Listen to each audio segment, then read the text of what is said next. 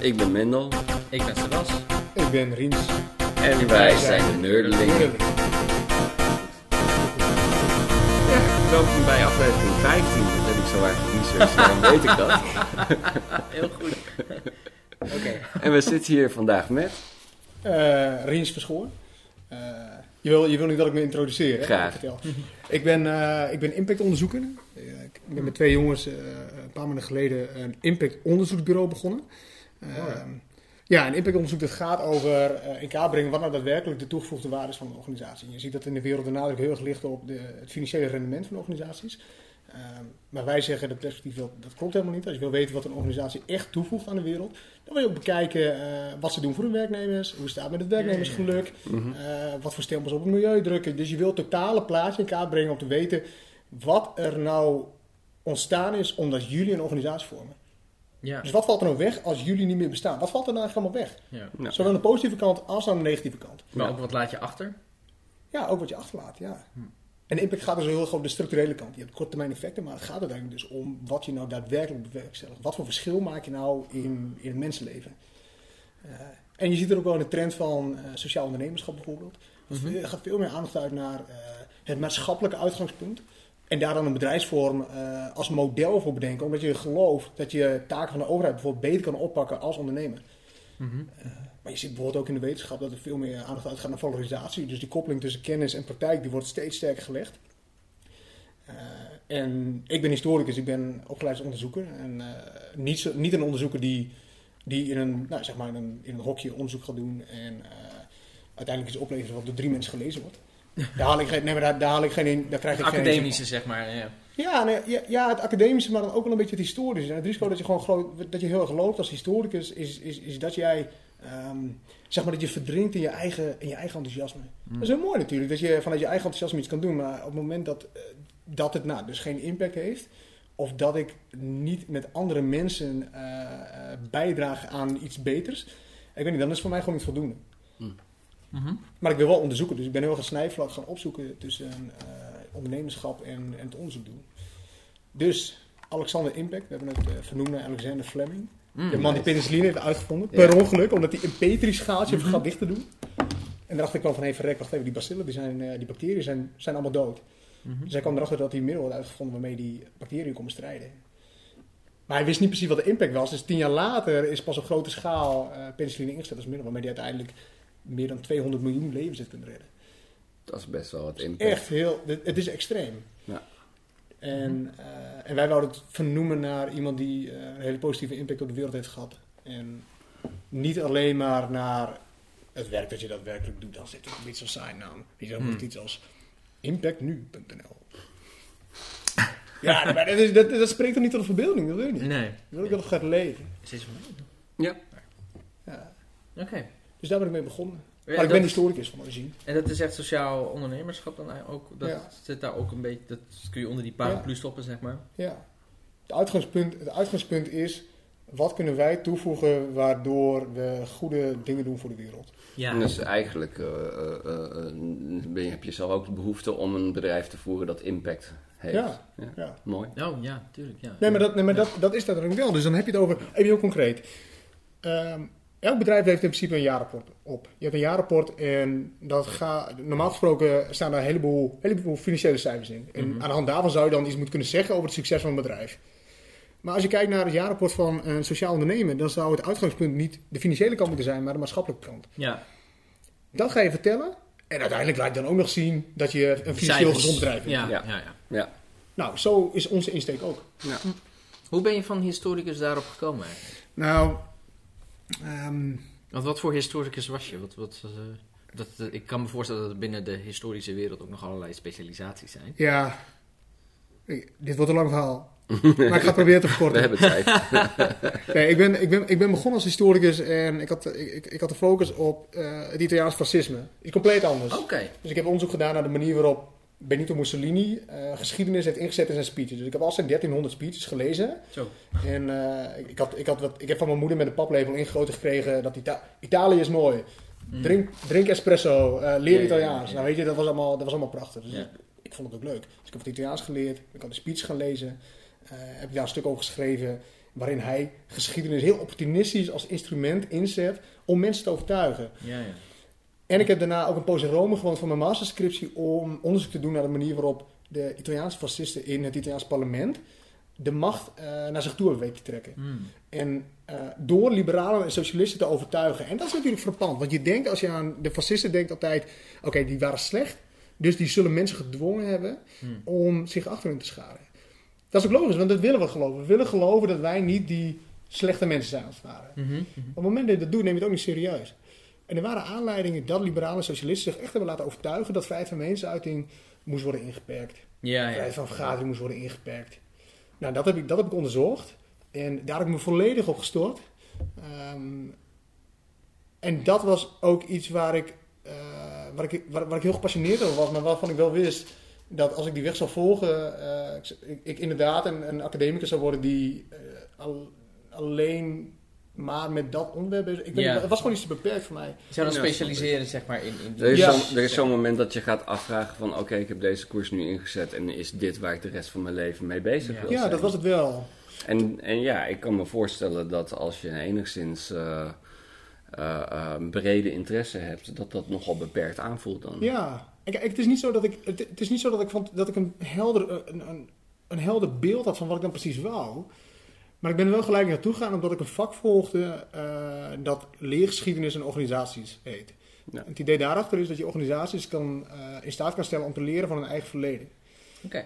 En ehm, heel concreet betekent dat dus dat je uit de waan van de dag gaat en, en naar streeft om een lerende organisatie Mhm. eh, van de grond te krijgen. Dus een organisatie die eh, zo adaptief is dat ze compleet mee kunnen gaan met de ontwikkelingen van onze tijd. En dat is ook steeds meer nodig. Maar we zijn heel gaan zoeken naar, of mensen zijn heel gaan zoeken naar, eh, wat nou de nieuwe vormen zijn waarin we ons moeten organiseren. En, Ja. en, en we zijn altijd op zoek naar iets statisch, want dat, is, dat, dat geeft rust. Dat, dat is. Agile, holisme, Nou ja, open vloerplannen, gesloten vloerplannen, geen vloerplannen, geen vloer, geen gebouw, geen wereld, geen... Waar gaan we heen? Waar gaan we Ja, heen? less is more. Less is oh ja, Mm, less is ja. more. More. Ja, dat klinkt, klinkt sexy, hè? Less Nee. is more, more is less. More is less. More is more, more is more. More or less. Thomas, More is more Thomas is. More. Thomas, Thomas More. More. Utopia. More? Zie je? Mooi bruggetje, hè? Zie je dat? We doen Want vandaag we zijn- we een zijn vrije aan Utopia oefening in associatie hier bij de Nerdelingen. Dat was echt de bedoeling. Bruggetjes bouwen. Nee, maar Ja.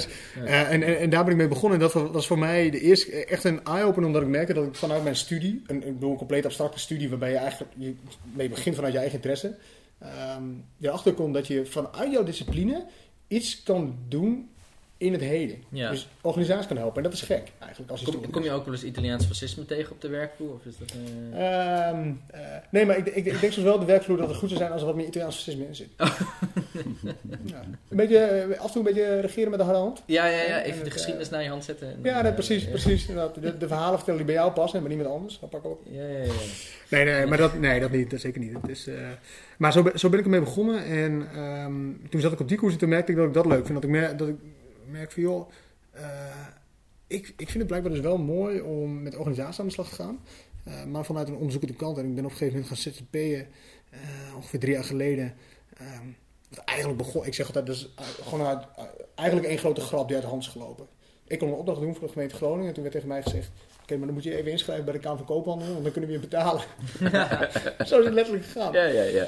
Dus toen, eh, toen heb ik ook die verschrikken, toen heb ik dat snel geregeld en een verschrikkelijke naam, Verschoor Consultancy gekozen. Oh, ik, ja. denk, ja, ik, ben, ik denk dat ik zelf degene ben die het hardst Ah, lacht als ik het zeg. Maar, Ik ben ehm, consultant. je bent consultant. Ja, nee, dan denk je aan een man in strakke pakken. En, en, en dat is totaal niet wat ik wil. Ik, ik, ik wil werken zoals ik leef. En ik, ik leef niet in een pak. Ehm, maar zo ben ik begonnen. En, en toen merkte ik dat, dat dat me eigenlijk wel lag. En ik denk dat op het moment dat mensen mij zes jaar geleden hadden ge- gevraagd... wat ik zou gaan doen, dat, dat ik niet had gezegd dat ik zou gaan ondernemen. Hmm. En dat als je aan vrienden van mij had gevraagd... Hey, wat gaat Rinus doen? Dat het zeker geen ondernemerschap werd. Dus het is, het, het is een, een, een, een uit de hand gelopen grap. Maar het is inmiddels geen grap meer. Het is wel... Nee, het is nu echt niet. Ja, ik ben er fulltime mee bezig. En Ja. het gaat goed. Ja. Mooi. Ja. ja. Nou, Dus dat is de lange inleiding. Nou, ik vond het wel meevallen eigenlijk. Ja, Eh, Het ligt ook wel aan je tempo van praten is niet Ah, zo ja. langzaam. dat scheelt. Dus een dan zouden mensen... Ik begon mij... Ik, weet je wat, ik, ik val nu al in slaap. Ja. In Hey, 1948. en, en dat is dan zeg maar wat je nu professioneel doet op het moment. En eh, ehm, wat, wat doe jij als je niet aan het werk bent? Ehm, ik doe aan boulderen, Bolderen, wat is dat ook weer? klimmen, Oh. alleen zonder zekering en met muren die nou, max 5 meter hoog zijn. Ja, vet. Ja, dat is, dat, dat is echt leuk. Heb je dan ook stiekem wel eens in dat je, je, hè, je loopt door het Zwartswald in Duitsland en opeens is daar een stukje natuurlijk gevormde rotsklif van 5 meter hoog. Dan denk je, hmm, Dan ga je die bestieren. ja. Ja, ik ben nog niet in zo'n situatie terechtgekomen, want ik, ik doe het nog niet zo lang. Maar ik ben zeker, Mendel, als ik in een situatie ko- terechtkom dat ik door het, uh, het Teutoburgerwald of iets dergelijks loop, Ja, ja. en ik zie een rost, dan denk ik aan jou en dan ga ik klimmen. Maar is, dat, Ik- is het bestieren? Is dat het juiste woord? Ik, is eh, bestieren niet iets met stieren? Ik vond het toepasselijk en wat mij betreft is het goed. En eh, anders zijn we fout op het internet en kunnen mensen mooi comments achterlaten op Yay! YouTube of op Twitter. Correct of, us eh, on the internet. Of op uh, hallo.nerdelingen.nl. Maar, Ja, oké. ja. ja. Bolderen, nee, bolderen, Bij, eh bij Bukes doe je dat hier in Groningen, denk ik. Gropo. Wat? Gropo, Zit dat ook hier in, Ja. in de stad? Oh, aan de. Oh ja? Ja. Oh, in de loods. Ja, bij, die, strand, dat het in de buurt van het strandje, toch? waar die Eh, binnenstrand of bin- binnenpret? bin- Binnenpret. Binnenpret. Binnenpret. Ben er nooit geweest, man. Bij Binnenpret, Kwijt niet waar het is, ja. Ja. Tegenover die eh ant antiekzaak. Oh, die antiekzaak. Nee, dat was een goed referentiepunt. Fantastisch. Kijk, binnenstrand, dan denk ik aan Dot. Maar dat is dus Nee, niet Dat is correct. niet heel Nee. heel schuin- het zit schuin tegenover een, een kroeg. Ja. Een beetje à la Café Nol. Ja. Oh, Je halverwege die eh weg is dat geloof ik. Ja, een hebt toch ook de Ulfsma-borg? Dat zegt me ook iets. Dat moet daar in de Dat is de wijk. zijn. Dat is de- Ulfsma weg is het. Ah, Dat is de weg. Maar die... Ja. En op een gegeven moment wordt dat eh Popdijk. Maar we hebben, dus we hebben het over Oost, eh, eh, flink Oost-Groningen, zeg maar. Echt Oost-Oost-Groningen. Ja, Het is aan de andere kant van het kanaal. Dus Ja, je gaat ja, Korreweg af, dan ga je de brug over en dan ga je rechtsaf. En dan heb je ineens binnen, binnenpret ik heb nu wel een idee waar het is, ja. Ja, en dan fiets je nog een stukje verder. En op een gegeven moment ben je de Fire Zone. Nog steeds de beste naam voor elk tankstation ook. dan ben je de Fire Zone, ga je voorbij. En het voormalig Canadees Militair Museum, wat er niet meer is, helaas. Dat is nu iets anders geworden. En dan ga je volgens mij onder dat viaduct door. En dan kom je in de buurt van eh, die, die tapijtenwinkel daar. Ba Balletta, Barretta, geen idee hoe Mm. dat heet. En dan heb je op een gegeven moment aan je linkerkant heb je een soort bandenwinkel, annex kroeg of Ja. zo, geloof ik. Ja, Daar, tegenover dan. daar ongeveer. Daar ongeveer. Ja. Ja. Ja, ja, ja. Volgens mij is Sebas kaartenmaker in zijn Zou je vrije zeggen? tijd. Nou, ik heb een kantoor gehuurd daar in de buurt. Dus dat, Bij de Firezone. eh, ontploffing van de Maar vlak, dat is- vlakbij, ja. Ja. Schijn er, er tegenover. Eh, maar bolderen. En eh, gaat, daar- gaat daar al je tijd aan op? Nee, nee, natuurlijk niet. Wel veel. Eh, ja, games. Games. Ja, gamen. Ja, Ja, daar komen we zo wel even op terug. ja dan komt misschien wel even... eh, Wat, wat, wat, wat, eh, wat, wat zijn de, de games die de meeste indruk op jou hebben gemaakt in het verleden? ik denk ehm Final Fantasy. Welke? 10. Tien. Niet 7. 7. 7 staat bekend als de klassieker. Ja, maar vooral omdat die eh, ehm, ook voor het eerst op PC beschikbaar eh, was, waardoor die, die een veel groter publiek kende. Ehm, en veel veel eh, oudere Final Fantasy fans die zijn bijvoorbeeld meer fan van Final Fantasy 6 dan 7. Ondanks. ja, terwijl die voor veel mensen wat ontoegankelijker is. Eén, omdat hij alleen op consoles te spelen is of op emulatoren. En twee, omdat hij veel meer pixelig eh, is, eh, waar Final Fantasy 7 al 3D was. Maar 10, er is er eentje die ik nog nooit gespeeld heb en die hoog op mijn lijst staat om te spelen. Ehm, wat was zo mooi aan 10? Ehm, Het getal. nou, 10, Final Fantasy 10 was het eerste, de eerste Final Fantasy game eh, waar gebruik werd gemaakt van stemmen. Om de personages ook meer karakter te geven. Mm. Ja. Stemacteurs. eh. Ja, er werd gebruik gemaakt van stemacteurs. En dat bracht het, dat bracht het iets meer tot leven. Eh, het, zag er, e- het zag er echt een stuk mooier uit dan Final Fantasy 9, esthetisch gezien. En misschien was het ook wel een beetje de tijd, de, de, de tijd in mijn leven dat het zo'n indruk heeft achtergelaten. Hoor. Ik, ik, ik, Hoe oud was je? ik was 13, denk ik. Mm. Mhm. Ja, 13. Volgens mij, eh, Ja. ik weet het niet zeker hoor, maar ehm, volgens mij was de muziek heel erg goed van 10. Want ik heb een aantal Ja, muziekstukken van 10 die ik heeft Ja, die- daar muziek voor geschreven. En die staan dus standaard in mijn playlist. Als Ja. dat dezelfde versies zijn als die daadwerkelijk in de game zitten, dan is dat genieten. Het is echt... Het is, Ja. ja. dus ik vind het zulke mooie muziek. Ja. Echt eh, af en toe krijg je, ja, heb ik hoor, maar af en toe heb je tranen in je ogen. Ja, Omdat de muziek zo kippenvel. Ja. Echt kippenvel. Ja. En eh, de muziek en, eh, en, en het spel. En het was dus die tijd dat, nou, ik was 13 en ik, ik, ik, ik, ik, heb geschaast. Op, op een gegeven moment ook op Nederlands topniveau. Waaronder op mijn 13 deed ik mee aan het, dat heet de Viking Race. Dat is het, zeg maar, het, het onofficiële Europees kampioenschap voor, voor jeugd. En ik was een pure sprinter. Ik reed aan de 500 en de 1000 meter. En ik had er met mijn ouders de weddenschap afgesloten dat ik de 1000 meter onder de 1 minuut 30 zou rijden. Dat ik dan die game zou krijgen. Ja. Ah, weet je, en dat, En- was, en dat, ah, dat zou nooit gebeuren. En, en, en, en ik, reed daar, ik reed daar 1 minuut 26. En dat was, dat was natuurlijk sowieso prachtig. En, eh, maar de grap is dat ik misschien, dat ik misschien wel het meest blij was omdat ik die game kreeg. En daar ging je schaatscarrière, want met die game had je geen tijd meer om te schaatsen natuurlijk. Ja, ik kwam, nee, het was echt, ik zat op mijn kamertje en, en, ik, en ik kon zo opgaan in, eh, in, de, verhalen, in de verhalen van Final Fantasy X. Ja. En eh, ik- sterker nog, ik denk zelfs dat, dat mijn, een beetje mijn schoonheidsbeeld van, eh, van andere mensen ook een beetje geënt is op, de, op een aantal personages uit Final Fantasy X. Dat, is, dat heeft zo'n grote invloed gehad Ja. op, mijn, eh, op mijn wereldbeeld, op wat ik mooi vond. Ja. En ik heb dat eigenlijk met geen andere, geen andere game zo gehad. Nou, eh, ik weet niet of dat voor alle Final Fantasy stelt, maar die ik heb gespeeld, er zijn de personages alles behalve plat. Ehm, en het mooie is dat ze ook een stukje Japanse storytelling met zich meebrengen, die veel minder zwart-wit is dan ehm, in het Westen. In, in, een stereotype Japans verhaal is is er in ieder geval bijna altijd wel een good guy die langzamerhand overloopt naar de slechte kant door een heel grijs gebied daar naartoe met een hele transitie. En is er vaak ook nog wel een, een, een- iemand die dat precies andersom doet. En dan zijn er een paar mensen die zich in een grijs schemergebied Ja. begeven. ehm, de ene keer met de ene wind en de andere wind meewaaien. Er is veel minder een soort moralistisch van dit is goed, dit is fout. hè. Minder zwart-wit, meer ambigu, zeg maar. Eh, Ja. En dat, is, dat doet eh, de verhaallijn heel erg goed. Je ziet tegenwoordig dat in de series die nu op televisie komen, dat eh, die dat ook steeds meer doen. En dat maakt gewoon voor volwassenere, complexere Ja. en interessantere verhaallijnen. Ja. Ja. dus Final Fantasy 10 is denk ik voor jou eh, de meest indrukwekkende game geweest. Ja, Ja. Ja, ik denk, het- ja, ik denk het wel. Als ik, ja, dat is de meest indrukwekkende game geweest. Maar ik moet zeggen, ik heb wel veel games gespeeld hoor. Ja. Mijn eerste PC-game was Command Conquer. En ik speelde dat bij, bij, bij, bij, bij een vriendje van mij. Ik, had- ik had het zelf niet. Hmm. En hij ging naar Command Conquer spe- spelen en ik ging kijken. Dus ik zat Ja. ernaast en ik heb alleen maar gekeken Ja. naar hoe hij die game speelde. En het was echt een nieuwe wereld. Ja. En eh, Dat heb ik ook wel gedaan. Ja. dat was de vroegere variant van Twitch. Dan ging je met z'n Ja. tweeën of z'n drieën achter één PC gamen, om de beurten naar elkaar Ja. kijken. Terwijl, Ja. ja. Heel, en dan was eh, een half uur of zo, deden wij. eh, Ja, dan spreek je af om en om. Of als Ja. de een dood is, en dat was oneerlijk, want de een ging veel sneller dood, want die was veel slechter. Dus dat was Ja. een hele slechte Ja. afspraak. ja. Nou, ik weet nog dat een kameraad van mij, die had dan echt zo'n computertafel, weet je wel. Met zo'n Oh, uitschuifbaar ding met een toetsenbord erop en zo. En, dan ging, en ik had dan een stoel ernaast, dan ging ik zo zitten en dan...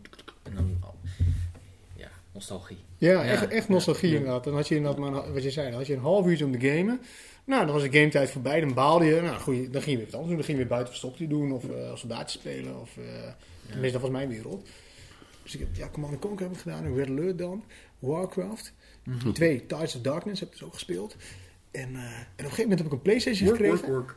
Ja, ja, work, work, work. You did it, no, you did it. Wow, Ja. En ik kreeg op een gegeven moment een Playstation. En, en, en toen ging het eigenlijk toen ging het los. Toen, eh yes, gaat los. Ik had, eh, ja, toen heb ik Final Fantasy gekregen. En eh, eigenlijk wel altijd roleplaying games. Eh, Hmm. ook, ook, ook gespeeld daarna. Dus En terecht. Skyrim heb ik gespeeld. Dus wel echt... Ja, het is wel echt een, een, een spel van de grote markt. Maar als je het hebt over mooie muziek en games... Ik wil niet weten hoeveel uren ik in Skyrim heb ges- gestopt. Ik heb een tijdje me ervan afgehouden en toen heb ik de versie gekocht met alle DLC. Nou, ik geloof dat ik hem ergens begon te spelen in eh, begin januari van dat jaar dat ik hem kocht. En ik dacht dat ik, ik denk dat ik ergens eind maart was ik er een keer mee klaar. Wat is, wat is de aantrekkingskracht van RPG's? Want het is niet iets wat ik... Ik heb, me daar niet, ik heb er niet zoveel mee. Wat is het voor, je, wat is het voor jou? Wat, wat vind je er zo mooi aan? Ehm, nou, een goede, een goede RPG eh, heeft voor mij in zich dat, dat, dat hij zich ook afspeelt binnen een, eh, binnen een grote open wereld. Waarin je zelf veel keuze kan maken. Dus je hebt een, een gevoel van keuzevrijheid. Ehm, ik vind het ook wel heel belangrijk dat er goede muziek in het spel zit. Dat, dat zorgde bij mij, dat zorgde bij mij echt voor een gevoel van vervoering. Echt die- dat je in een wereld zit zoals in Ik moet echt het idee hebben dat ik in een andere wereld zit. En eh, daar is een RPG voor mij echt een heel, heel uitstekend middel voor. Eh, als ik me ook nog enigszins kan identificeren met het personage, of althans proberen. Want het is natuurlijk zo, ik heb The Witcher 3 heb ik ook gespeeld. Ja, en eh, ik heb geen overeenkomsten met de, met The Witcher Geralt. Mocht ik willen. Maar, ehm, maar, maar weet je, dan, je zoekt denk ik onbewust wel naar bepaalde overeenkomsten waarin je je zou willen herkennen. Ja, en, en je komt erachter eh, door de verschillen ook met het karakter wat je speelt, hoe je over bepaalde dingen nadenkt. Nou, dat denk ik inderdaad ook wel. Ja. Ja, dat is heel. Dus het is, ja, het is misschien, ik denk dat dat bij mij wel onbewust is. Hoor. Het is niet zo dat ik, ik, ik hou ook heel erg van filosofie. En eh, ik zit in een soort filosofieclubje. Eh en het filosofische wat, jij, wat, je, wat je nu schetst, inderdaad, dat zou best kunnen dat dat doorwerkt hoor. Dat is wel een goed onderwerp voor de volgende filosofie af. Ik denk dat het een heel leuk Games is, ja. filosofie. Ja. Ja, maar je hebt toch ook eh, dat je af en toe quest krijgt die, eh, Ja. waarin je voor een morele keuze komt te staan. Nou, in The Witcher 1 heb je op een gegeven moment een dorpje waar een, een, een heks eh, of een kruidenvrouw, maar net hoe je er tegenaan kijkt, zit. Nou, het dorp vindt dat ze een heks is. Zij vindt zichzelf een kruidenvrouw die eh, verkeerd behandeld wordt. En dat es- escaleert volledig. Nou, op een gegeven moment heb je gewoon de keuze te maken tussen die vrouw of dat dorp, letterlijk in levens. Ja. En ehm, dan zou je denken, hè, 20 levens is meer waard dan één leven. Maar de hele manier hoe dat verhaal is gesponnen en hoe je in die situatie terechtkomt, dan heb je echt zoiets van, holy shit. Het is, het is één leven, 20 levens, maar Ja. Kun je niet de quest Ik- gewoon abandonen? en ik, dan- ik, ik, heb, ik heb dat spel gestaakt. Allemaal. Ik heb dat spel een week lang gestaakt, omdat ik er niet over uit was hoe ik verder wilde met die keuze. En het heeft een week lang moeten rijpen voordat ik mijn keuze maakte. Ik heb die keuze vervolgens gemaakt en ik wist dat ik welke keuze ik maakte. Ik was er niet allebei, gelukkig ja. mee. Nee. En eh, ja, dat, dat vind ik heel sterk. Want dat, dat zorgt er echt dat je een innerlijke strijd moet aangaan. Ja, ik, ik, ik merk dat wel inderdaad van muziek en sfeer en design van de wereld vind ik heel leuk. Maar ik kan me op een hele andere manier niet inleven in de personages. Maar goed. Ja, maar de, Kijk, kijk, want ik heb eh, de enige R- RPG adventure-achtige game die ik heb gespeeld is Blade Runner nog. ja, maar dat is niet echt Dat een is- RPG. dat is Het meer een fantastische game. Fantastische Blade game. Runner. Ja. Heel goed atmosferisch. Maar dat is meer een adv- adventure. Het is meer een adventure Ja. game. Ja. Ehm, en ik hou persoonlijk dus van roleplaying games waarin je niet ge- gedwongen wordt om als Geralt te spelen. Of Geralt, Geralt, Mm. whatever. Hij wordt in de game ook boos hè, als je het verkeerd Geralt. uitspreekt. Oh. Vertelde iemand maar laatst in The Witcher 3. Ik heb die nog niet gespeeld, jongens. Ik, ben, ik, zit, ik zat vast bij The Witcher 2 en eh, ik ga het nog wel doorspelen. Ik, zeg maar, wat ik jammer vind aan The Witcher is, je wordt gedwongen een bepaald personage te spelen. En voor mij gaat het zelfs verder met, met roleplaying games. Ik wil heel graag of meerdere personages hebben, zoals in Final Fantasy. Dan bedien je soms wel drie tot tien Ja. personages. Ja. Vaak is er wel één de hoofdpersonage, maar je, je kan met, met allemaal een beetje spelen.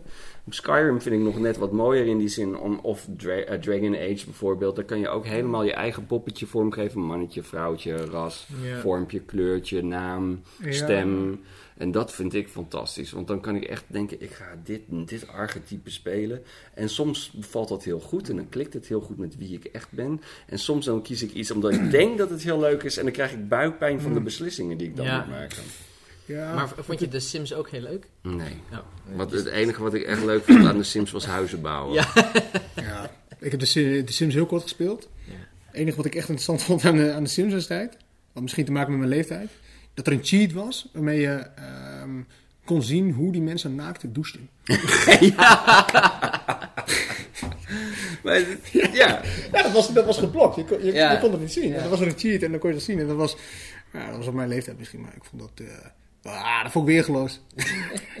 ja, sowieso hou ik heel erg... eh, Nee, ik ben heel erg tegen vormen van censuur in games. Ik heb zoiets van, van, van... Het is goed als je een beetje gewaarschuwd bent van wat voor scènes je in een game tegenkomt. En dan kan je zelf of samen met je ouders wel bepalen of het geschikt is voor je. Maar ik, hè, streef je realisme aan, zoals in de Sims... Dan zijn die, die Sims gewoon naakt onder de douche. Los van of je dat ethisch goed of fout vindt. Echt douche je ook naakt. Klaar. Het is, het is gewoon raar anders. Het is gewoon blokjes. Rot op. Ja, ja. Ik- Gewoon zorgen dat je de cheats bij de hand hebt, dan kun je alles. Ja. Maar dat was, dat was vroeger ook veel meer naakt en bloot en piemels en, en, en tepels en weet ik veel wat allemaal eh, eh, op televisie. De Piemels ook? Ik vind dat dat... Ik Nou, vind dat Piemels weet ik eigenlijk dat- Volgens ik mij- dat is dat andersom. Ik vind- Was het dan zo? Maar het was wel... Nee, het was meer met eh, Purno de Purno en, eh en, en Villa Achterwerk Ik, en ik zo. keek en, geen en VPRO. dat. Ik dacht, daar doen Oh, ze je het Rembo. gemist, joh.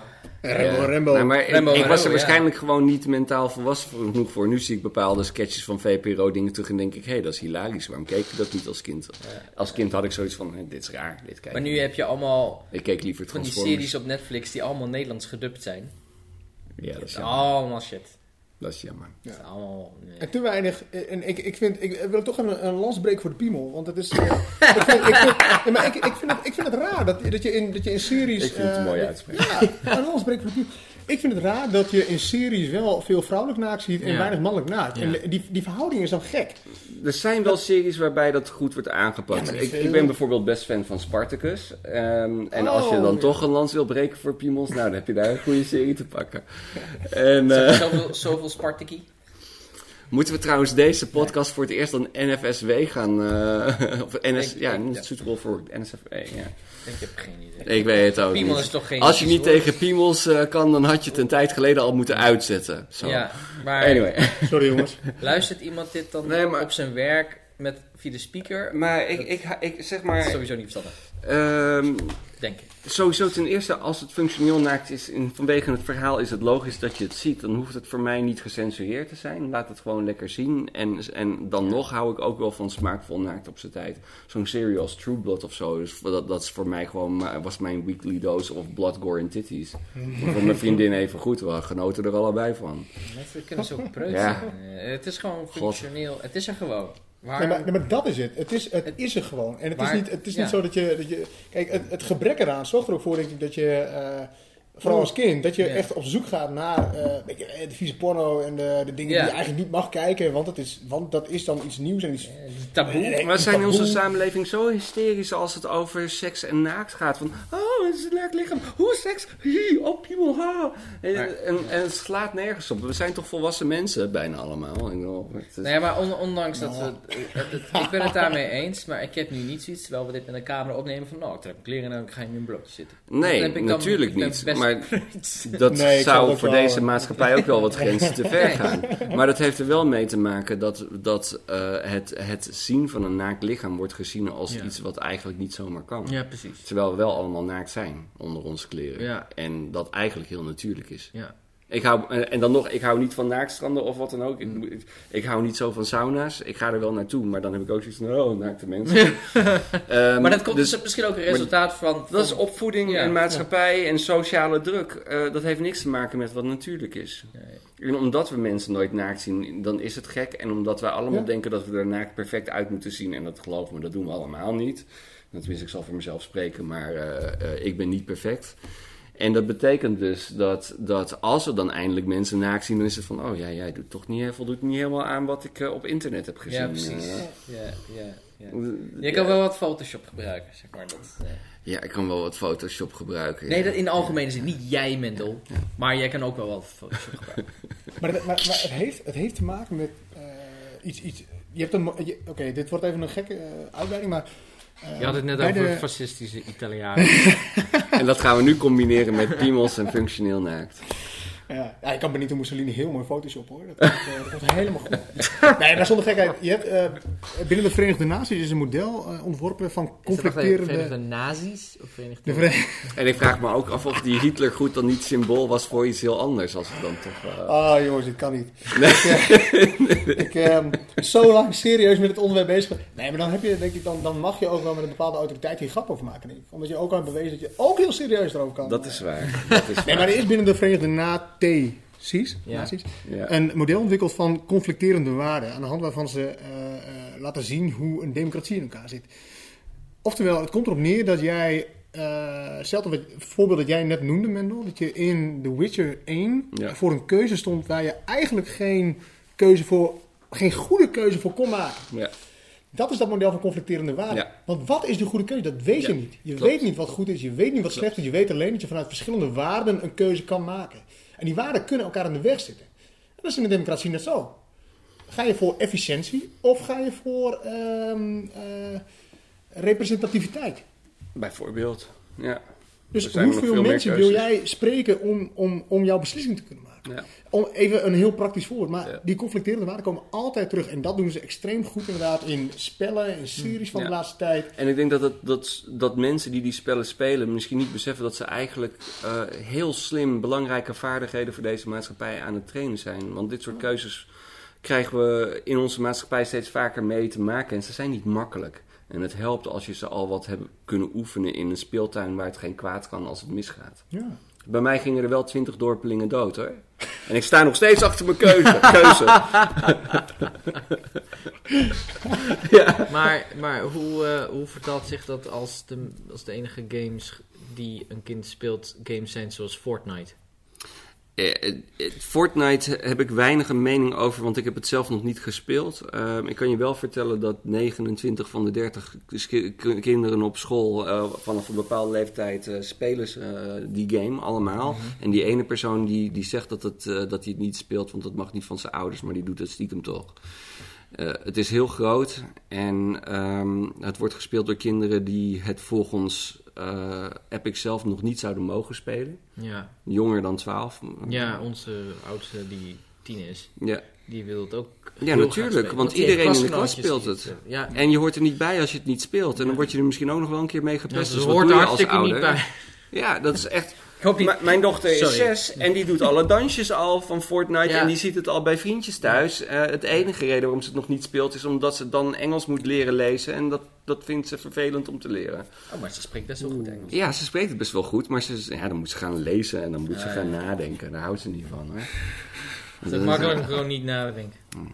Dan moet ze één voor één de letter gaan lopen uitspreken. En dat is ze net, heeft ze net geleerd met Nederlands. En dat vindt ze vet pittig. En dan hoort ze opeens dat in Engels alle letters weer anders uitgesproken worden. Ja, En ook nog eens een keertje randomly anders. ja, ja. Maar. Engels is een zeer inconsistente taal. Nederlands trouwens ook. Maar goed, we dwalen een beetje af. Ja, Ehm, waar hadden we het over? Wie nou, ben je? hey, Sebas, wat voor nerdies heb jij gedaan de afgelopen Oh. maand? Eh, Zo, dik terug op de rails. Eh, eh, eh, hebben we het nou weer over piemels? Nee. Eh, Ja, weet ik niet. Als jij de afgelopen Ja, maand niet iets wat nerdies met piemels hebt gedaan, dan hebben we het daar weer Jij zei dik terug op de rails, vandaar. Anyway. eh, Wat leg jij op de rails? nou, niet, meer, niet meer piemel. Even kijken of de trein eraan komt. Ik had dit niet verwacht, Rien. Dat, is wel echt, ja, True for Dare, dat zou wel echt een hele, hele goede zijn. Wat je piemel op de rails. Ja, je piemel op de rust leggen. En dan, en hoe, hoe lang? Durf je het aan? Hè? Het lijkt me heel onpraktisch, want ik weet niet hoe het bij jou of 12. zit. Maar, dit is, dat, zeg maar hoe ga je dan staan of liggen? Ik bedoel, dit is, ja. Ja. Ja, challenge. Ja, inderdaad. Not, not accepted, mogen, by the mogen way. wij de spoorlijn kiezen?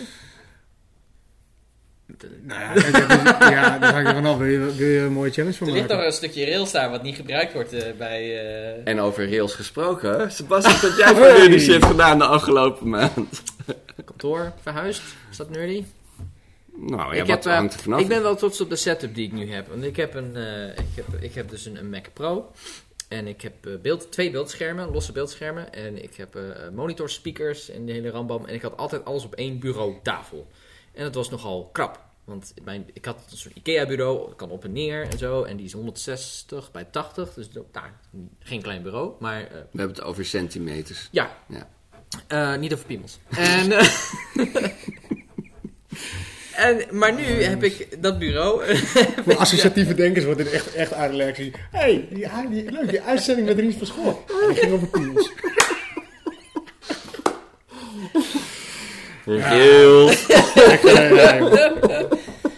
Dus ik heb een bureau en ik heb daarachter zo'n eh zo'n 2x4 eh Expedit Kallax kast staan van Ikea. En daar staat nu mijn computer op.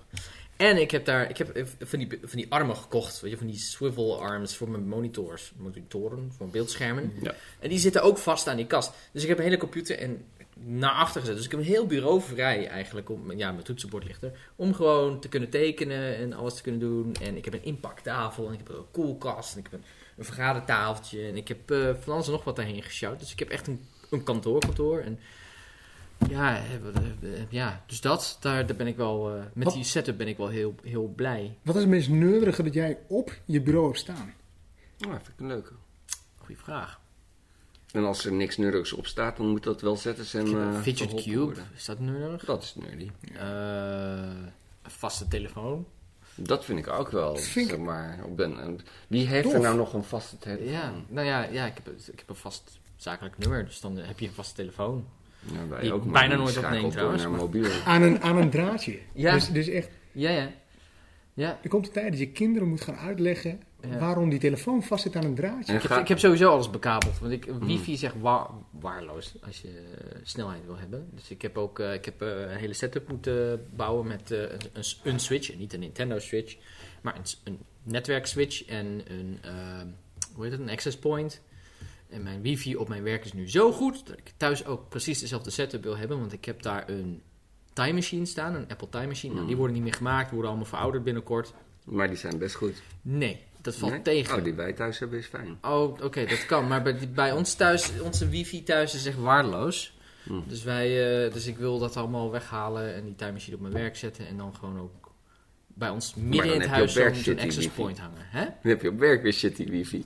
Nee, maar dan gebruik ik hem gewoon voor eh backup. Nee, dat snap ik. Ik Voor weet een een time machine. beetje aan. Ja, eh, beetje piemel. En... eh, die vind ik dan grappig. Anyway.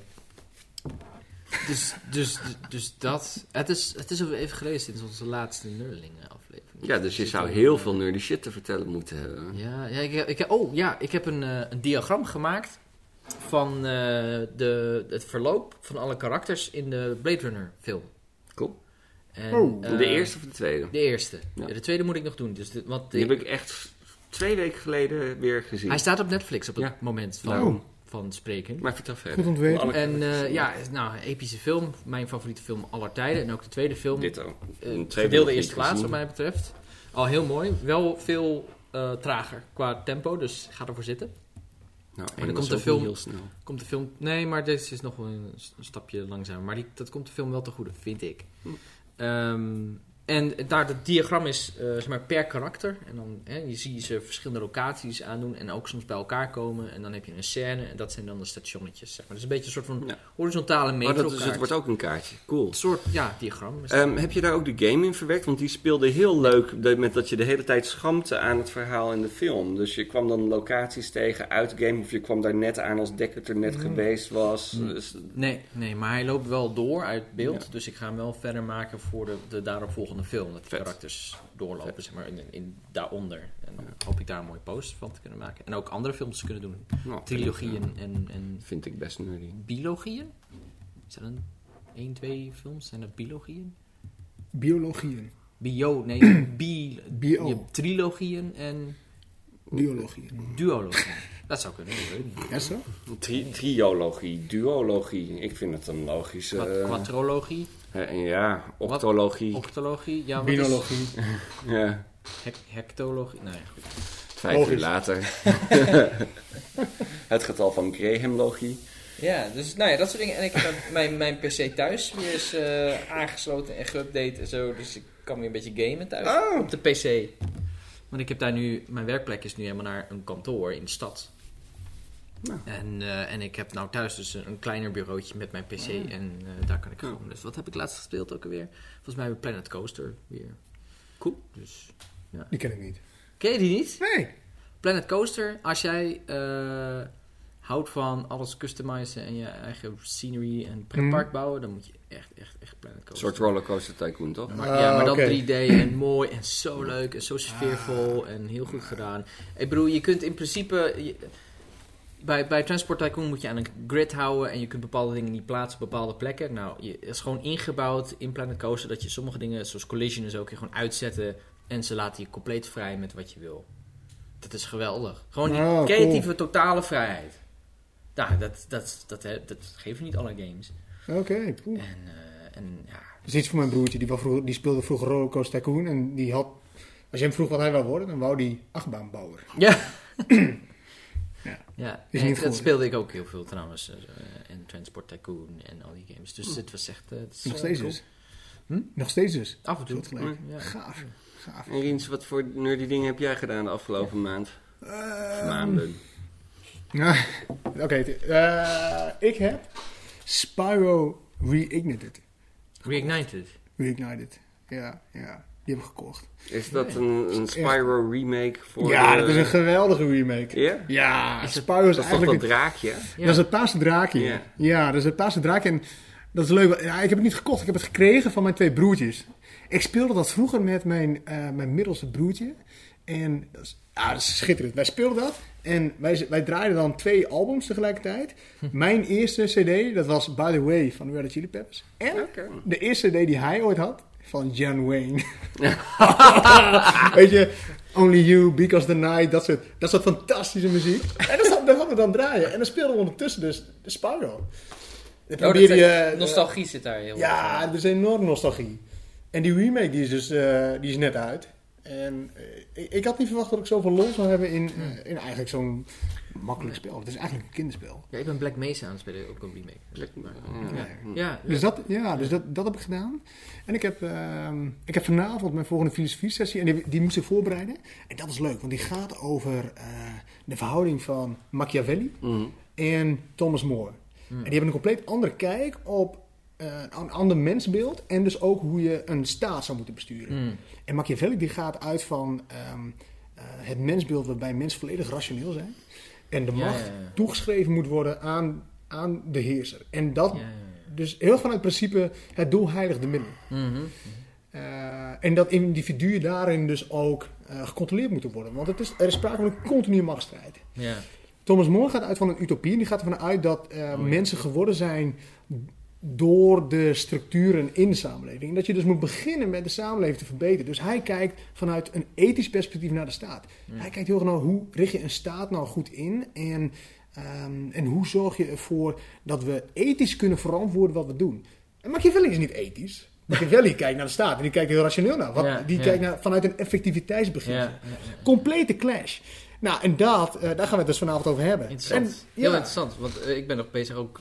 Nog iets wat ik mee bezig ben, is met geofictie. Dus met landen bedenken. En ik heb een, een fantasieland waarbij ik dus nu aan het schrijven ben van... Oké, ik begin... eh, nou, ik heb eigenlijk een fantasiestad. Maar als je een stad hebt, die de hoofdstad is van een land... moet je het land ook beschrijven. En als je een land wilt beschrijven en waarom dat zo is... moet je een hele voorgeschiedenis gaan schrijven. Dus ik ben nu al bij koningin en aan het... eh, Weet je wel, met de eerste staat en, en hoe dat allemaal... Dus ik ben nog wel even bezig. leuk. Maar dat is, dus, dat is super interessant. Dat is leuk. Daar wil ik straks even met je over doorpraten. Ja, prima. Leuk idee voor. dat is vanuit de filosofie echt razend interessant. Ja, Ja, dus dat ben ik aan het doen. gaaf. Ja, dat en dat een doen jullie gedaan. elke maand of elke week? Of eh, Elke drie weken. elke drie weken? Ja, dat is, dat is, dat is begonnen met een, ge- een gezamenlijke interesse in, in filosofie. En spreken vaak af ook in een kroeg. Ik ga vanavond naar de Woldhoorn. Oh ja. Ja, en met een biertje erbij. Het leuke aan die groep is dat, je heel, dat, dat er heel makkelijk geschakeld wordt tussen uh, flauwe hoeren eh, en meteen weer de diepte in. Mm. Beetje als de nerdelingen. Ja, Beetje als de nerdeling. Ja. wij gaan met onze piemels ook altijd de diepte in. Oh! Nou mis ik toch echt mijn soundboard en, en de chirp. Maar eh, Uh, jullie kunnen nog knippen, toch? Met, uh, nee, nee, we gaan, niet, we, gaan, we hè? gaan niet knippen in piemels. Dat, Oh, god. We zijn heel geëmancipeerd, maar nu maken we even, even Ja. pikgrap. wat, wat voor nuttige dingen heb jij nog gedaan? Ja, Oh, eh, even kijken, want het is inderdaad een tijdje sinds de vorige opname. Eh, ik ben begonnen met eh, Oblivion te spelen, dus de voorloper van Skyrim. Die heb ik nooit echt gespeeld. Mm. Ehm, Skyrim wel, hè? Skyrim, Skyrim heb ik tot in de treuren gespeeld en dat ben ik met Oblivion op zich ook aan het doen, maar wel weer even op pauze gezet. Want ik heb mijn passie voor tekenen een beetje teruggevonden. Hmm. Ik heb eh, Udemy leeggekocht met eh, iets van 20 tekencursussen. Want Udemy is zo, zogenaamd altijd, hè. Nu een cursus van 150 euro voor 10 euro. Ja. Voor de volgende twee dagen en dan nooit meer. Maar dan elke dag. Ja, ja, ja. Ik snap het ook. Elke dag zijn ze maar 10 euro in plaats van 150. Ongelooflijk. Maar goed, daar heb ik gewoon 10 van gekocht. die reclamecodecommissie in Amerika is een beetje laks. Ja, ik. en elke avond doe ik nu een, een simpele tutorial en dan schets ik een beetje op, op een, hele prettige laptop met touchscreen en pennetje en zo. En dat, dat, nou, dan merk je van, oh, ik kon best wel tekenen, het begint Ja. langzaam terug te komen. Jij kan goed tekenen. Ik kan goed Ja. tekenen, maar ja, ik eh, ben, eh, heb het heel weinig gedaan de laatste jaren. Ja. Ja, ja. Jammer, je Dus hebt er echt, echt talent voor. dankjewel. Ja. Nou, ik ga dat eh, hopelijk eh, weer reviven in de tussentijd. Dus dat voelt heel lekker. Ehm, ik heb eh, ook eh, de afgelopen maanden vooral eh, A Korean Odyssey gekeken. Dat is dus een Koreaanse serie. Heel gaaf over een meisje en later een jonge vrouw die geesten kan zien. Ah, oké. Ehm, met, met, ja, ik weet niet of het daadwerkelijk gebaseerd is op echte mythologie, maar het voelt wel echt zo aan. Als, zij komt op een gegeven moment in een soort web waar, ze, waar spanningen zijn tussen goden, halfgoden en een soort van monsters die als mensen rondlopen op aarde. En het is een beetje, het is een beetje eh, qua kwaliteit eh, het niveau tussen een soap en een K-pop productie. Dus het is niet per se kwalitatief het beste wat ik ooit heb gekeken. Maar toch vond ik het leuk en ik kon niet wegkijken. En het grappige is, het was 20 afleveringen geloof ik, van een uur tot anderhalf uur. Wow, oké. Het was bijna een speelfilm Zo. per aflevering. Zo. Ehm, dus ik heb er echt lang over gedaan. Het was een hele reis. En bij de laatste aflevering zat ik op een gegeven moment echt te janken. Gewoon van, van, van, nou ja, van, van bepaalde dingen die heel mooi waren of me echt raakten. Terwijl, ik zweer het je, het is echt gewoon een soort K-pop soapproductie. Ja, ik, ik, ik kan niet anders zeggen dat het eh, niet mijn grootste hoogtepunt is van wat ik ooit heb gekeken. Maar ik, zou, eh, ik ben wel blij dat ik het gekeken heb.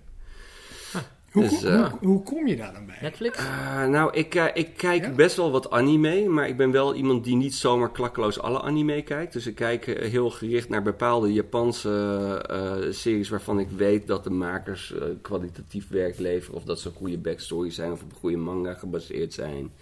En ehm, recentelijk heeft eh, Netflix een paar goede live-action versies van anime on- ehm, gemaakt. Dus dan, hè, dan heb je echte acteurs. En vaak ben ik daar een beetje, blijf ik daar een beetje weg van, omdat ja, in een getekende wereld kan je veel meer. Ja. En dan moet je vervolgens met live action moet je het weer hebben van schmink en special effects. En de acteurs die moeten goed genoeg zijn. En dat is maar net de vraag of ze ermee wegkomen. Maar sommige waren wel heel aardig. En toen heeft Netflix op een gegeven moment meerdere malen die Korean Odyssey aangekaart. Toen Ah. zag ik op IMDb dat hij een 8,4 kreeg. Toen dacht ik, Wow. nou, dat is niet verkeerd. Ja. Nee. Toen dacht ik, nou, fuck it. Ik ga hem kijken. En heb je One Punch Man dan al gezien? Ja, Ja, die is leuk. die is leuk. Ja, One Punch Man is over iemand die... die Dat is anime dan weer. dat- Ik weet het niet. dat- Ah, de ja, hoofdpersonage is een... Ja, het is, Het niet is ook een beetje filosofisch. Ja, jawel. Ook wel. Want hij is zo krachtig dat hij eigenlijk nogal... Dat hij heel erg zoekt naar een doel in zijn leven. Ja, en, en, en hij, hij, hij wil wel graag monsters die dingen kwaad doen verslaan. Maar hij, is, hij baalt er een beetje van dat hij zo sterk is geworden dat als hij ze probeert te verslaan, hij nog maar één vuistslag nodig heeft om ze dood te krijgen. Dus hij is telkens naar, naar een sterker monster op zoek die, die, waarbij dat niet nodig Ja. hè? Terwijl, terwijl om hem heen eigenlijk eh, andere karakters heel erg streven naar... Wel heel erg de held zijn, maar gewoon bijna helemaal dood worden gemapt. Ja, En, eh, en, en, en ja, het, je moet het echt zien. Dus, eh, het is echt, het- ik vind ja. het een hele leuk. Het, het, is het maar één is seizoen. een hele goede serie. En er komt een tweede seizoen. Ooit. Maar eh, Oh, maar, wat, maar dat is wel een mooie insteek. Want dat is, dat is toch ook wel herkenbaar. Als jij een game speelt en je, en je, en je personage op een punt is dat hij zo sterk is, dan gaat de lol er een beetje van af. ja, Ja, het is ook nou, ja, dat like, is- ja. Misschien, En dat nee, is maar dus om- precies. Het, het, het is misschien wel een beetje een tegengeluid op dat Dragon Ball Z gebeuren. Waarbij het op een gegeven moment halve halfgoden zijn. En, en, en ze als ze maar genoeg opladen, ze op een gegeven moment bergen door midden slaan. Weet je wel? ja. En, en, en hier zegt ze eigenlijk: Nou, als je bergen door midden kan slaan, is het leven gewoon helemaal niet zo leuk meer. Nee. Dat is een Nee, beetje. het- bijvoorbeeld dan heeft hij ook zo'n vijand tegenover zich staan die zegt... Ik ben de grootste blablabla," En dan hij... Oh, ik, eh, oh, ik heb iets in mijn kan, kan je zitten. Want ik wilde nog Ja, naar de winkel voordat hij sluit. Ja, Zeg precies. maar. En dat soort... eh, die- ja, Ja. Ja. dat is erg leuk om te zien. En, eh, Nou, die, ja, die heb ik dus ook recentelijk gezien. Eh, ehm, we zijn nu, dat is ook wel nerdy, zijn we Merlin aan het kijken. Het is een BBC-serie Oh, ja. van iets van tien jaar geleden. Het is best nog wel outdated. Het is net geen eh 4 bij 3 beeld meer. ehm. maar het- toch, ik dacht dat hij alleen maar vermakelijk zijn, maar hij is wel meer dan vermakelijk. Hij is op, bij Vlagen ook gewoon wel echt goed.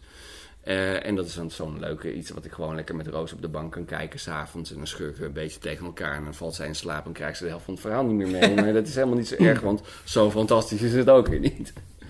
moet, jij dan, moet jij haar dan bijpraten? Soms wel. Oh ja. Ja, ja. En eh, ja, Nee, god, eh, mijn Transformers hebben gejongd. Eh, daar zijn er een paar van bijgekomen. Het is echt midden in de nacht. eh nou moet ik toch weer eventjes terugkomen op onze piemels. Want, eh nou niet onze piemels, maar piemels. Want als Transformers zouden jongen, juist, hoe, hoe dan? Ja, Heb ik- jij daar ik- theorieën ik, over? Ik denk dat ze... eh, nou, eh, het niet er is een hele heftige, spark? Er is een hele heftige discussie in Transformerland over überhaupt het bestaan van vrouwelijke Transformers. Ja. En dat heeft ermee te maken dat de fans die zijn opgegroeid met Transformers die bijna alleen maar mannelijk waren. Van ja, Transformers zijn niet mannelijk of vrouwelijk, ze zijn robots. Dus die hebben geen geslacht. Maar dan zijn er weer stemmen die zeggen: ja, maar waarom zijn, zien ze er dan allemaal mannelijk uit en praten ze met een mannenstem? Ja, nee, dat is vast gewoon hun voorkeur naar hoe ze zich gemodelleerd hebben. Ja, en waarom dan naar mannen en niet naar vrouwen? Nou, bla bla bla. Ondertussen, Hasbro vindt het allemaal best, want die weet ondertussen dat als ze een vrouwelijke Transformer uitbrengen, die dus vrouwelijke vormen heeft en in een strip of in een film een vrouwelijk personage heeft, die verkoopt tien keer zo goed dan de mannelijke.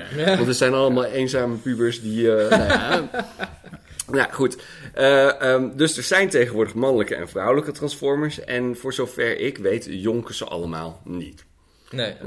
Maar er is wel iets met die Allspark en, en dat als je dan zeg maar een robot heeft die gebouwd is, die heeft dan geen ziel. En die Allspark geeft hem dan een ziel en dan heb je een nieuwe Transformer. Dus daar moet wat voor gebouwd worden. Maar ik zou zeggen, als, als het dan liefdevol zou gebeuren, dan zou je twee Transformers hebben of meerdere die denken van, oh we gaan zoveel liefde leggen in deze Transformer die we bouwen. Hè? Oh, dan gaan ze iets bouwen. Nee, ik denk het. Moet haast wel. En een was- van een spark. Was, was, was Power Rangers dan niet een soort voorloper? In Power Rangers had je ook een paar vrouwelijke Power Rangers. Ja, dat weet ik niet. En die waren Ehm, ook wel vrouwelijk. Er waren twee vrouwen, drie mannen toch, geloof ik. Waren Ik heb, ik heb, ik als klein vrouwen. kind een Aziatische versie van Power Rangers gekeken voordat het bekend werd in Amerika en in Nederland bij een, bij een Indonesisch vriendje van me. En eh, dat vond ik wel heel tof. Ik bedoel, ze reden in grote dingen rond die samen een superrobot konden vormen. Wat wil je nog meer als kind? Ja? Eh, een van mijn onderdelen van Transformers is, zijn robots die in dinosauriërs veranderen. Ik bedoel, bij dinosauriërs heb je hem al. Bij robots heb je hem al. Maar dan veranderen ze in het een en het ander. Nou ja, wow. En ze kunnen ook nog samen een reuzenrobot vormen. Nou echt, nou, ik bedoel... Hoe, hoe is dat nou niet leuk? Ehm, nou goed, dus daar hebben, die zijn bijgejongd en het begint een beetje vorm aan te nemen dat ik ook heb gezegd van nou, er zijn er nog twee of drie die ik nu nog wil, dan is het ook klaar. Ik wil ook een betere, Transformers heb je het nu over. Ja. een betere oplossing om ze in weer te geven. Nee, ik heb het niet over... Power Rangers. Oh, hij is niet zo snel meer. ik dacht toch echt dat hij het nou over zeker hangende onderdelen zou hebben, maar... Wat? Nee, nee, hij, is echt, hij is echt niet meer zo verliest het. Ja, ja, ja. Ik word, ook, ik word ook een dagje ouder. Eh, Ja, goed. eh, Ja. En, en ik heb eh, voor mijn verjaardag van de mensen bij Initopia heb ik de PlayStation 1 Classic eh, Mini eh, PlayStation gekregen. Oh, met, cool. eh, met allerlei leuke games erop. Dus Gaaf. ga ik ook lekker mee. Hmm. Mooi. Met de cd'tjes erin. Ja, alleen dan, dan eh, wat wel geestig is, de- hij is klein, er passen ook geen cd's meer in. Dus Oh. er zitten roms op. Eh, het is ook eigenlijk gewoon een emulator in de vorm van een mini Playstationtje. En dus de open knop zit er nog wel op, maar die is om virtueel van disk te verwisselen. Dus Final Fantasy 7 staat erop. Die bestaat uit vier discs. Op een gegeven moment zegt dat spel, je moet van disk wisselen. Ja, hoe dan? Nou, dan druk je op dat knopje en dan heb je van disk gewisseld. Oh, mooi. Geestig. mooi. En de controllers hebben de echte vorm van de oorspronkelijke controllers. En de USB-plugjes zijn dan met twee plasticjes Ja. zo gevormd dat het net lijkt alsof het de echt zijn. Oh, Ja, maar dat wil je ook, toch? Je wil dat gevoel van nostalgie ook, ook, ook terugvinden in, in Ja. die hele console. Klopt, Zo'n Ja. gevoel van herkenbaarheid, hè? Zo vaak hoe innovaties werken. klopt. Bij innovaties wordt ook gezocht naar, eh, naar, naar, naar aanknopingspunten en, eh, met, met wat al bestond. Ja. Om het nieuwe een plek te geven in de, zeg maar de, eh, de constructies, de structuren volgens welke beleving. Hmm. Zie je bijvoorbeeld ook met, eh, met elektrische auto's, zeg je dat in het begin ook. Die moesten opladen aan de zijkant waar je normaal gesproken tankt. Ja, Maar dat is niet omdat dat per se functioneel was, maar omdat we dat, gewend zijn. omdat we dat gewend zijn. Hele subtiele elementen die, die daarin kunnen doorwerken. Nou ja, je kunt ook zeggen dat als je ze aan de zijkant laat, dat het misschien ietsje veiliger is. Maar Misschien. zou dat je op de stoep staat, hoop ik dan. Maar goed. Ja, het is ook maar een voorbeeld dat ik, Ja. dat ik, dat ik via via heb gehoord. Hoor. Ik heb het niet eh, volledig onderzocht. Maar, maar er zijn meer voorbeelden. Bijvoorbeeld ook met, met oude munten was het ook. Bij de Grieken bijvoorbeeld ehm, eh, werd op een gegeven moment getracht om munten eh, gemeengoed te maken. En wat hebben ze gedaan? Ze hebben gezocht naar een aanknopingspunt met de maatschappij. En dat waren de goden. Op het moment dat ze dan goden gingen afbeelden op de munten... ehm, eh, vonden die munten ook meer hun plek in de samenleving. Wat Wat interessant dat je dat zegt. Wat was daar? Want laat, eh, ik, ik, ik weet niet zeker, maar volgens mij is het een fantastisch bruggetje naar het ding van de, van de, van de maand. Wat is het ding van de maand, jongens? Nou, ik... eh, Het is echt een soort primeur, want ik vertel mensen hier niet vaak over, maar ik, eh het is Oh. echt mijn meest nuttige hobby ooit, denk ik. Nou, je bent geen filatelist, dus wat dat Ik, eh, wat? postzegelverzamelaar. Nee, nee. Nee, het is misschien nog wel, het, het is misschien nog wel gekker. Ik verzamel namelijk Romeinse munten. Romein, Romeinse munt. Oude Romeinse munten, ja, echt waar. En eh, dat is een hobby die ik... Dat, die is van karton. Dat Die is, eh, die, ja, ja, ja, zeker. Die, eh, dat is een beschrijving, denk ik. ja, dat is voor het gevoel. Wat- Nee, ik, dit is een oude persenmunt, maar het gaat me Wist je dat ik vroeger hier- archeoloog wilde worden dankzij Indiana Jones? Ja, snap ik heel goed. Ja. Ze, zijn er, ze zien er helemaal nog niet eens zo gedateerd uit, eigenlijk. Nee, maar Maar dat, dat nou, komt omdat ze natuurlijk opgepoetst zijn en alles. Het is, ja, nou kijk, het is niet zo. meestal als ik dit, als ik dit vertel al überhaupt, dan, dan denken mensen direct dat ik met een metaaldetector door de bossen Ja, loop. bliep, bliep, bliep, bliep. Dat- Doe je dat dan niet? Nee, nee, nee, ik help je uit de droom, dat doe ik niet. Nee, ik, Dat lijkt wel een munt erop wat je nou in je hand hebt. dit, ja, hier, het is een, eh Oh, wauw. een sestertius. Is het lood? Dit is, nee, dit is zwaar. goedkoper. Het is, het is zwaar inderdaad. En dit, dit was de munteenheid in het Romeinse Rijk waarmee mensen betaalden. Soldaten werden bijvoorbeeld uitbetaald in, eh in, eh oh, hij zit waar. in, in, in sestertie. En ja, en dit waren dus ook de munten eh, die veel van, eh, eh, van eigenaar wisselden. Dus die zijn vaak ook heel versleten. En nu is deze is mooi, hè? Ja. nog vrij goed. Maar ik heb, ik heb mijn eerste munt gekregen, denk ik, op mijn tiende van mijn vader met, eh, met Sinterklaas. Mijn vader is historicus en ik denk dat hij ook wel de reden is dat ik zelf historicus ben geworden. Zou je denken? ja, nee, maar, Ik heb dat ook hoor. ja. Hij is, nee, maar ik, ik- als je met hem door een, door een stad loopt, dan gooi je er een kwartje in en dan krijg je voor 10 euro terug. Zeg maar. Die vertelt over alles om zich heen wat hij ziet. Er overal wat over te vertellen, over de gebouwen, over de geschiedenis van de steden. En ik vond dat altijd heel leuk. En ik kreeg dan mijn eerste Romeinse munt. En ik, ik vind het gewoon fascinerend dat dit iets is wat iemand 2000 jaar geleden Ja, eh, in zijn hand heeft gehad. dat is lang. Nou, niet één iemand. Nee. Niet één iemand, maar het was gemeengoed van, eh, van die samenleving. En ik begin het ook steeds leuker te vinden omdat we veel minder te maken hebben met geld tegenwoordig. Althans met fysiek geld. Ja. Alles vindt digitaal plaats. En dit is gewoon... Dit is een munt. Hiermee werden mensen uitbetaald. Hiermee werden de, de, de, de deals gemaakt. Dit is, Ja, we staan op het punt om een, een traditie van 2000 jaar te beëindigen. Want over een tijdje is er geen fysiek geld meer. Heel En klein. dat is het einde van een tijdperk. is echt, het is het, echt het einde van een tijdperk. Dus En het is de- bijzonder. en, Ja, fantaseer je dan ook wel eens over wat ze daarmee gekocht zouden hebben. Of wat voor diensten ze ermee zouden hebben betaald. Ja, bijvoorbeeld. Ik, ik, denk daar, ik denk daarover na, maar ook over... Hm. eh, kijk, ik, ik- denk na over de, de personen die dit in handen hebben gehad. De, de slaven die, ehm, eh, die veel vertrouwen kregen van hun meester bijvoorbeeld. Die dan de markt op gingen en ook namens hun meester gingen handelen. Die hadden dit geld in handen. En betaalden dan bijvoorbeeld met dit zilveren muntje. Met de denarius. Hele bekende, bekende muntsoort. Ja. En hier staat dan toevallig Macrinus op. Een van de soldatenkeizers die heel kort aan de macht is geweest. Die soldatenkeizers die kwamen vanaf ongeveer 200 na Christus op. En die zijn bijna allemaal van kant gemaakt. En op een gegeven moment, maar echt letterlijk. Bijvoorbeeld, Caesar natuurlijk. nee, maar Caesar was, geen, Caesar was niet een soldatenkeizer. Is inderdaad wel... Hij was ehm, wel soldaat en hij heeft zichzelf toch ook tot keizer uit. Hij heeft zichzelf... Wat hij heeft, ehm, wat hij heeft gedaan is de Rubicon overgestoken. Ja. met zijn legers. En dat is een, echt, echt een breekpunt geweest.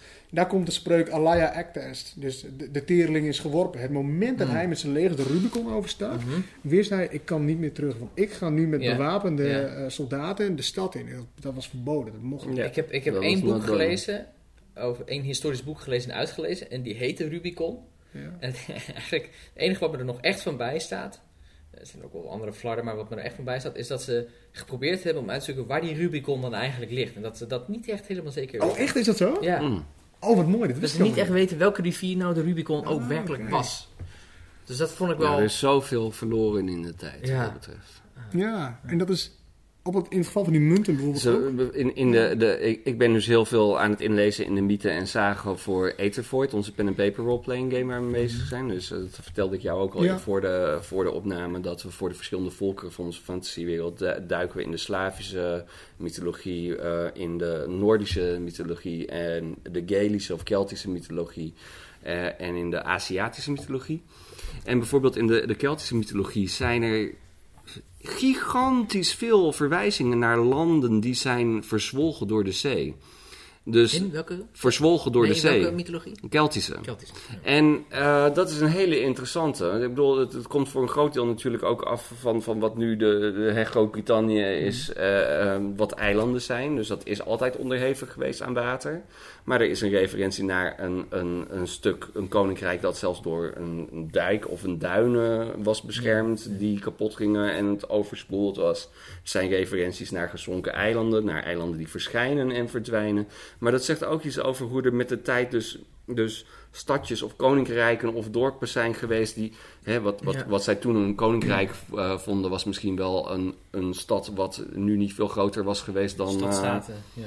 dan ik weet veel, wat wij nu een klein dorp zouden vinden. En maar dat, dat hadden wij natuurlijk ook hier aan de Waddenkust en in. Nederland. En de gebieden dus het, is, het, is, het is fascinerend hoe, hoe- het zou zo mooi zijn om terug te kunnen zien in de tijd van wat was het nou erg eigenlijk, waar lag het?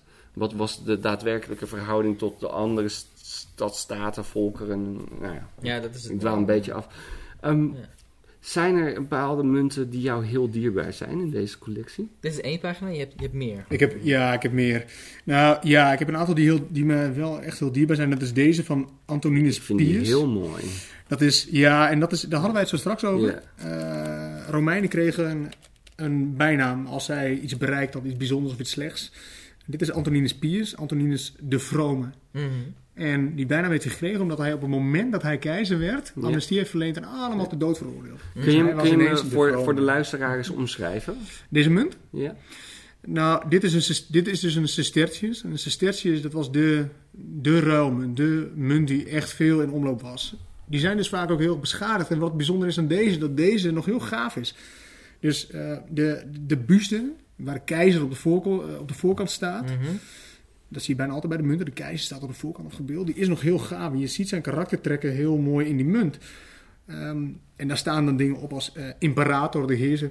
Pontifex Maximus, de grote Ja. bruggenbouwer. Dus de persoon die de samenleving verenigt. Ja. Eh, en op de achterkant staat dan vaak een, een, een beeldenis van, van de goden.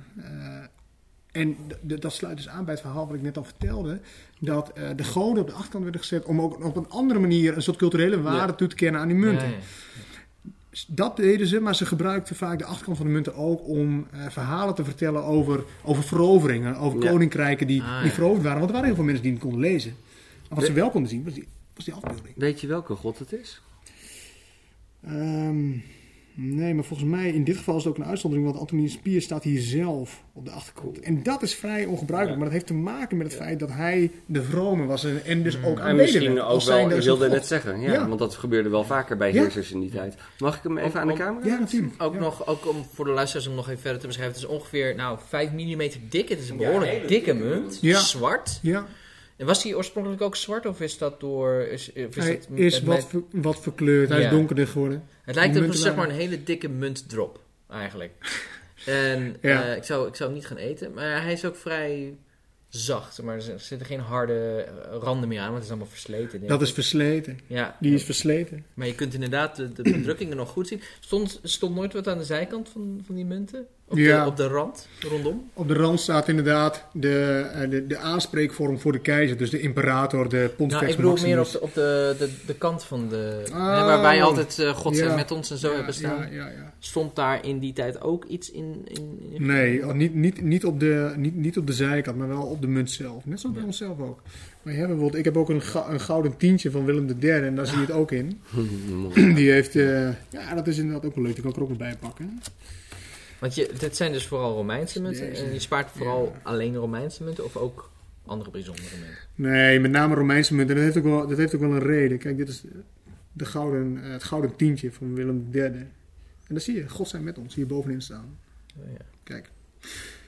Nee, met name Romeinse munten, omdat eh, oude Nederlandse munten vaak nog wel gaaf zijn en eh, voor mij te modern uitzien. En het romantische wat ik vind van, de van die Romeinse munten, dat je echt ziet dat het historische artefacten zijn. Ze zijn voldoende versleten en Ja. ook voldoende anders om echt Ja. aan te voelen als, als, als een verleden tijd.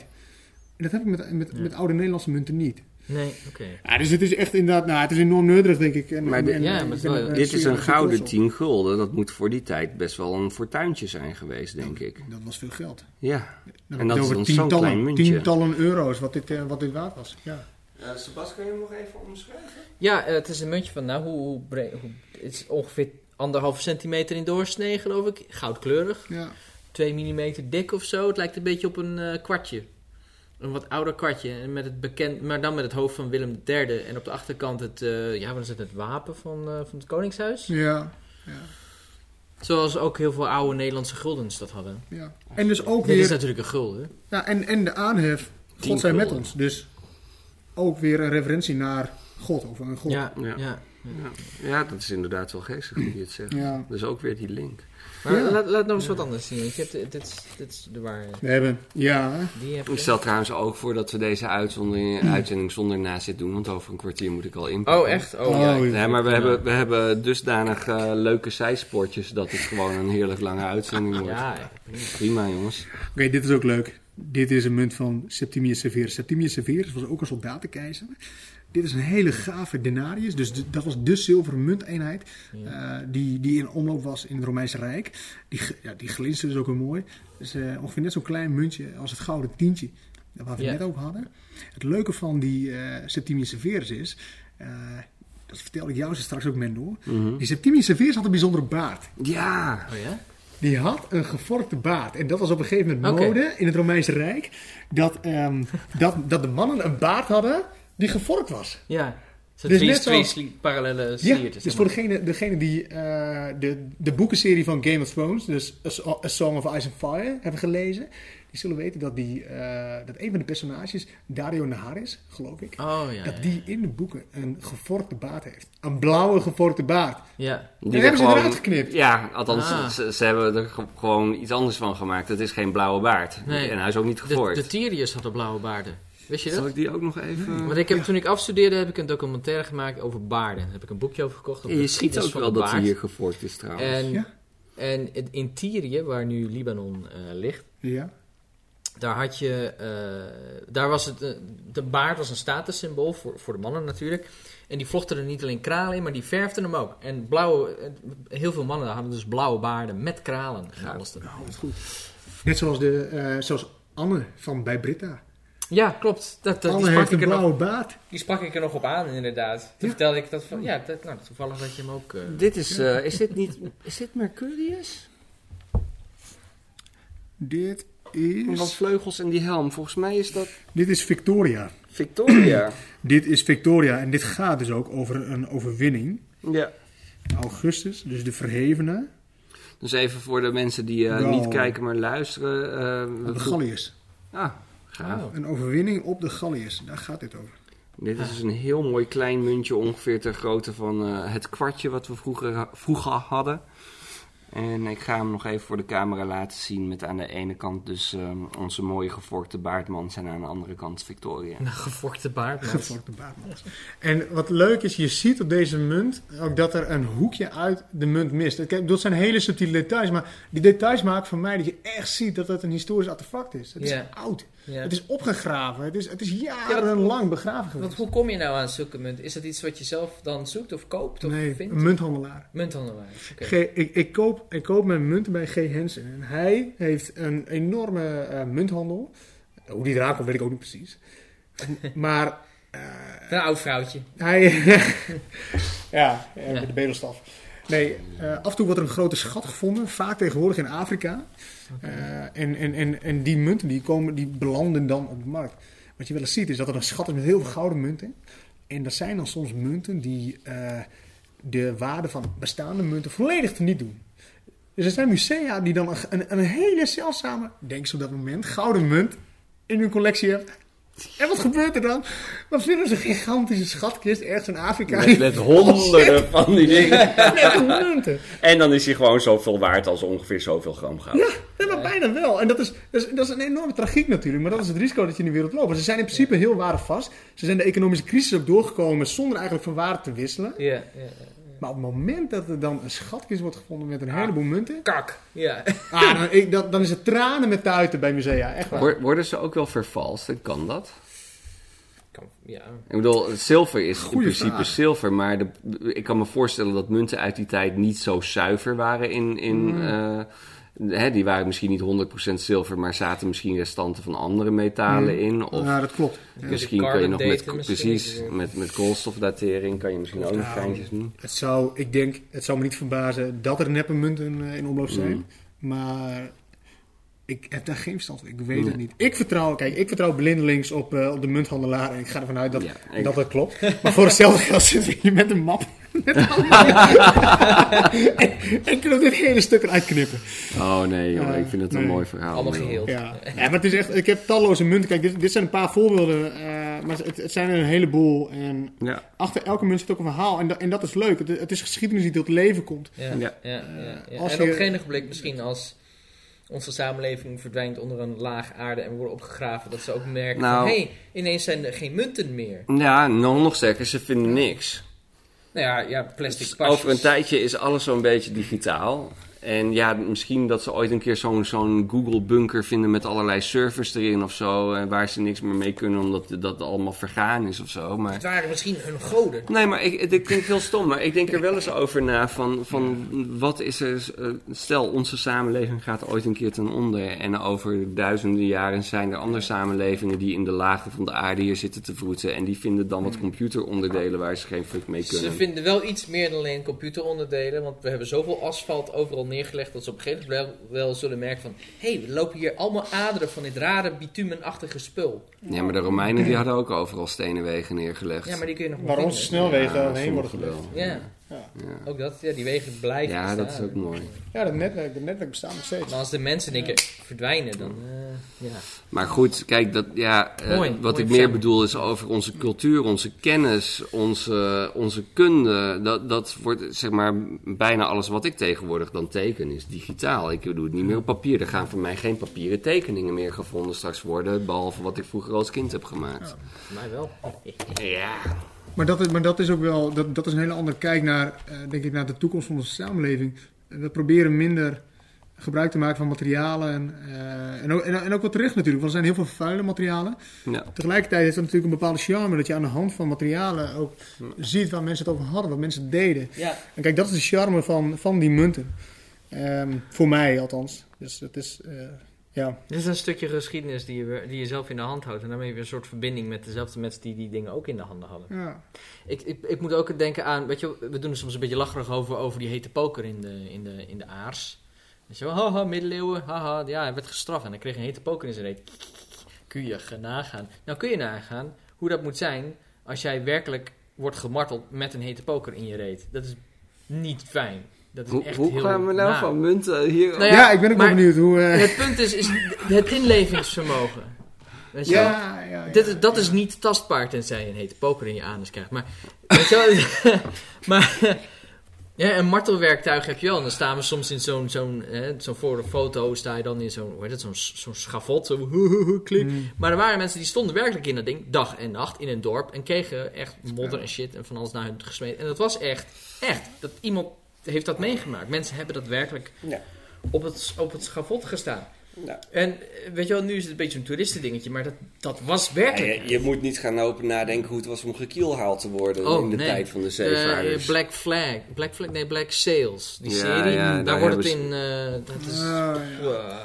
Nee, dat, ik bedoel, ja, we- nu in onze huidige wereld gebeuren er ook nog vrij gruwelijke dingen als je op de verkeerde plekken en op verkeerde momenten bent. Maar eh, de, de, de, de mensheid kent door de hele geschiedenis momenten en, en rituelen van gruwelijkheden. eh. ik bedoel, Maar daarom is ges- geschiedenis is daarom ook zo belangrijk. Als je, als je wil weten waar je naartoe wil, dan moet je ook weten waar je vandaan komt. Ja. Ja. Dat, dat is een, het, is een, het is een soort instrument om om te gaan met die conflicterende waarden. ja. ja. En daarom ook heb je, als je een worldbuilder bent, zoals Tolkien en, en Frank Herbert en wat ik doe met geofictie. Als je iets wilt schrijven wat nu recht van bestaan heeft, dan zul je moeten schrijven hoe dat is ontstaan. Dus moet je alles wat daarvoor zit, moet je beschrijven. Want anders, wat je nu doet, ja, uit de lucht gegrepen. Het is arbitrair. Nou, wat ik dus geestig Ja. vind, is dat het ook nog een culturele context kan hebben. Dus met Aethervoid zijn we dan drie werelden aan het ontwikkelen. Een fantasiewereld, Farhaven. We zijn Victoria, een steampunkwereld. En een science fiction wereld aan het ontwikkelen, die heet Sleeping Dragon. En, en dat is allemaal gebaseerd op een soort toekomstperspectief over wat er met de mensheid zou kunnen zijn gebeurd over vele, vele jaren. In die zin is het science fiction. Uh, maar tegelijkertijd grijpen we terug op gedachtegoeden uit het verre verleden met mythen en zagen. Dan zitten we dus vanuit het verleden ernaar te kijken. En dan heb je nog anno nu. Wat er nu gebeurt in onze samenleving, dat dringt ook door tot je onderbewustzijn. Dat gebruik je ook in het vormen van je verhaallijn. En misschien is er wel een megalomane leider in een van die volkeren die met kleine gebaren probeert uit te beelden dat bepaalde dingen waar zijn. Ik bedoel, je weet het niet. It's all true. Uh, uh, het, het, het, punt is dat uh, ik schrijf iets wat zich plaatsvindt in de toekomst, gebaseerd op kennis uit het verleden, beïnvloed door wat er nu in onze samenleving gebeurt. Dat is fucking vet. Ja. Dat is te gek. Ja. Dus, uh, nou ja. Het is jouw, zeg maar, jouw, jouw ziel, jouw referentiekader aan het werk. Ja. Dus het is in die zin ook een doorkijken in, in jou. In jouw ook dat nog. bestaan. Ook dat nog. Kijk je door je heen. We prikken je lek. Oh.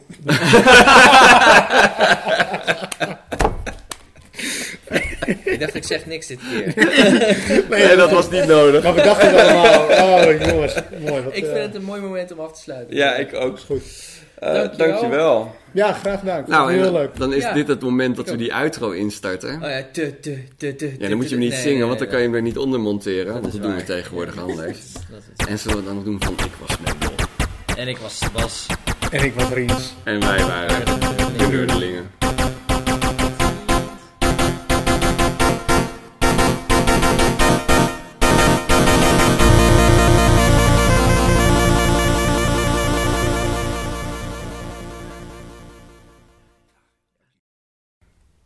Tot ziens. Dag. En dan moeten we het genoeg even laten doorlopen. Even- Voor de, Nou ja, precies. Een beetje, net zoals bij En dan, NOS. ja, en dan zonder geluid heel Even aan het licht dimmen en even handen Ja, dat doen schudden. wij zo alles allemaal- kunnen, hè? Ja, ja, dat, eh,